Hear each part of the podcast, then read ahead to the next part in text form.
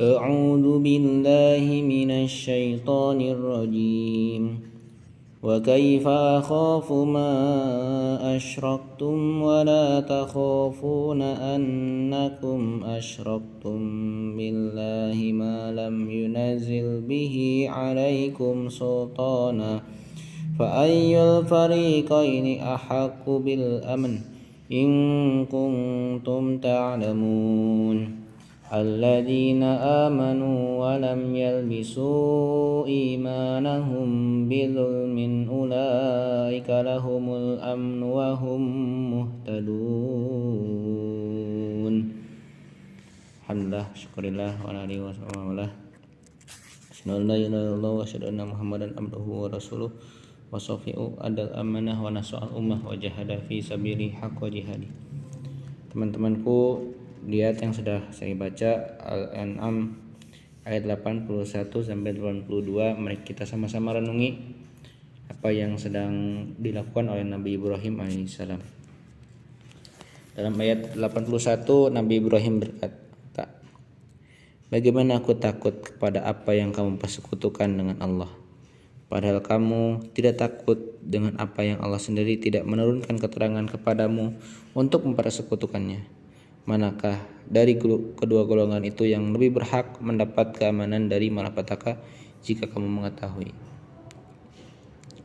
Di ayat ini kita harus sama-sama sadari posisi dari Nabi Ibrahim alaihissalam adalah seorang pemuda yang sedang berhadapan dengan kaum yang sedang marah kepadanya marah karena banyak bertanya tentang berhala,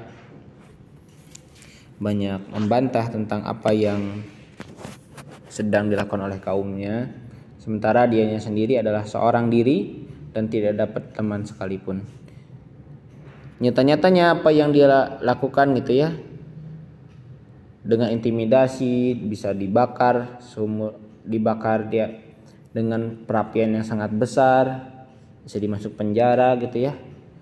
Dengan semua ancaman itu ternyata Nabi Ibrahim hanya berkata bagaimana aku takut teman-teman dari ayat ini perlu kita sadari bahwa kekuatannya Nabi Ibrahim terhadap apa yang dia hadapi adalah dari ilmu. Dari ilmu yang sudah dia miliki. Jadi kalau misalnya teman-teman punya ilmu ternyata berhadapan dengan orang yang ilmunya tidak sampai sebetulnya teman-teman tidak usah takut. Walaupun orang yang teman-teman hadapi adalah orang-orang yang lebih banyak ketimbang jumlahnya teman-teman. Itu hal yang pertama. Yang kedua di usianya yang sangat muda Nabi Ibrahim sudah banyak sekali berdebat dengan kaumnya. Nabi Ibrahim sudah mencapai akil baliknya.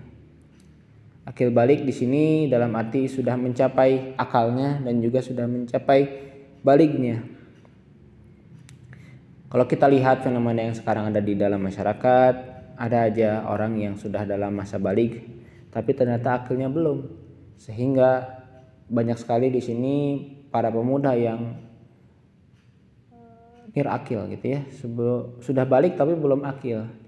Artinya apa? Dengan dengan sisi fisik yang sudah balik ternyata sisi ruhiyah mereka masih belum sampai dalam keadaan akil akil dalam arti sudah mereka sudah bisa membedakan mana yang benar dan mana yang salah itu ada di akil kalau kita lihat juga berita mungkin beberapa waktu ke belakang beberapa bulan ke belakang juga masih terdengar tuh ada yang ada seorang pemuda yang marah kepada orang tuanya karena tidak diberikan motor yang sesuai dengan ia inginkan sehingga apa yang dilakukan ternyata dia protes kepada orang tuanya dengan cara membakar rumah. Luar biasa.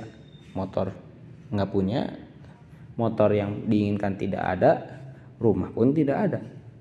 Ini adalah bukti bahwa akil balik menjadi sebuah krisis di tengah masyarakat kita. Dan Nabi Ibrahim sudah melihat itu dan ternyata menjadi leader dari apa yang krisis yang ada gitu ya menjadi pembeda dari semua krisis yang yang ada. Yang ketiga, pelajaran yang bisa kita dapatkan dari ayat ini adalah Nabi Ibrahim mampu menimbang mana yang lebih baik gitu ya dari kedua golongan itu antara orang yang sudah diberikan akal namun tidak mengikuti apa yang Allah minta dengan orang yang beriman dan tidak mencampurkan adukan iman mereka dengan syirik mereka. Ayat ayat selanjutnya alladzina amanu wa lam yalbisu imanahum bidzulmin ulaika lahumul amnu wa hum muhtadun. Ini adalah sisi pertimbangan dari eh, Nabi Ibrahim. Yang ketiga bahwa eh, kita perlu pastikan bahwa diri kita adalah orang-orang yang berserah diri kepada Allah. Berserah diri dalam arti kita sudah pastikan bahwa diri kita kita takut hanya kepada hasil yang Allah minta. Kalau misalnya kita tidak bersama dengan dengan Allah gitu.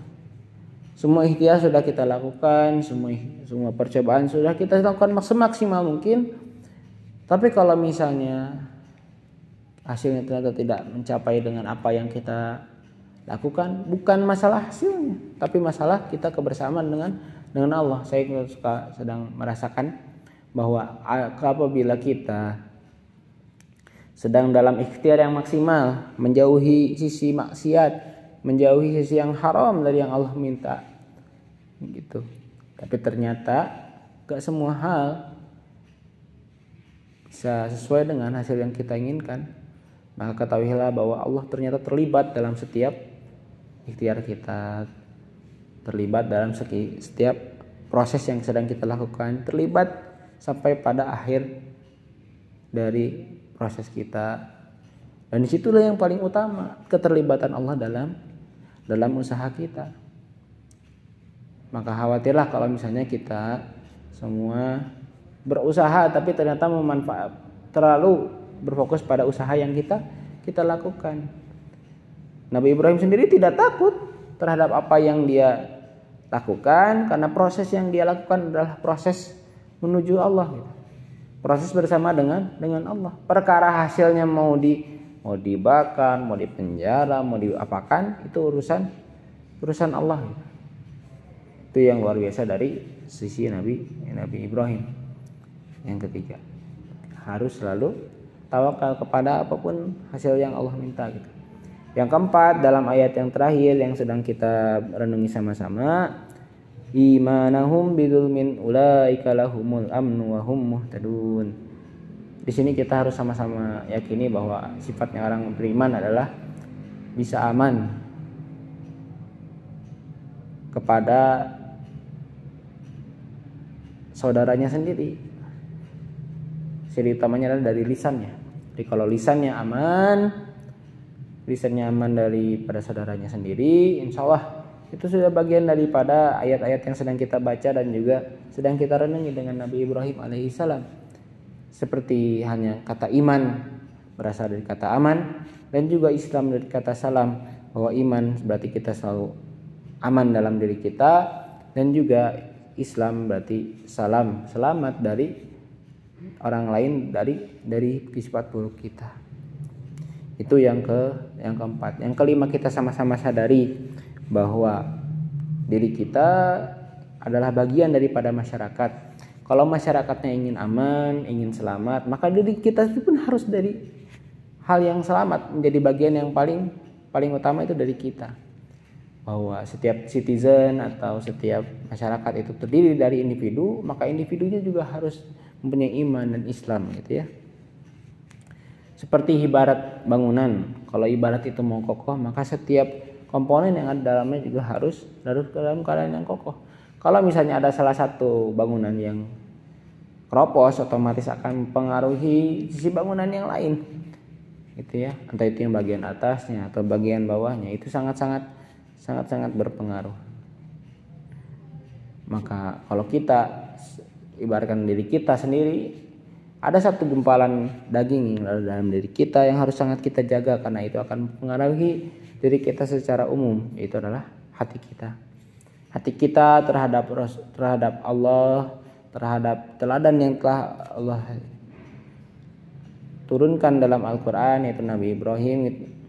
Dalam cerita-cerita yang sudah kita dapatkan semoga bisa menjadi bekal buat ruhiyah kita terus berada dalam keadaan takut kepada Allah bukan takut kepada manusia. Selalu ingin menyembah Allah bukan menyembah yang lain. Selalu ingin mengikuti apa yang Allah dan Rasul katakan bukan perkataan orang lain yang bukan perkataan Allah dan Rasulnya.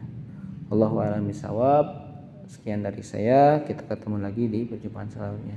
Allahumma sholli ala sayyidina Muhammad wa ala alihi washabihi ajmain barakallahu walakum barakallahu walakum wa nafa'ani wa ikum. Innahu huwal ghafurur rahim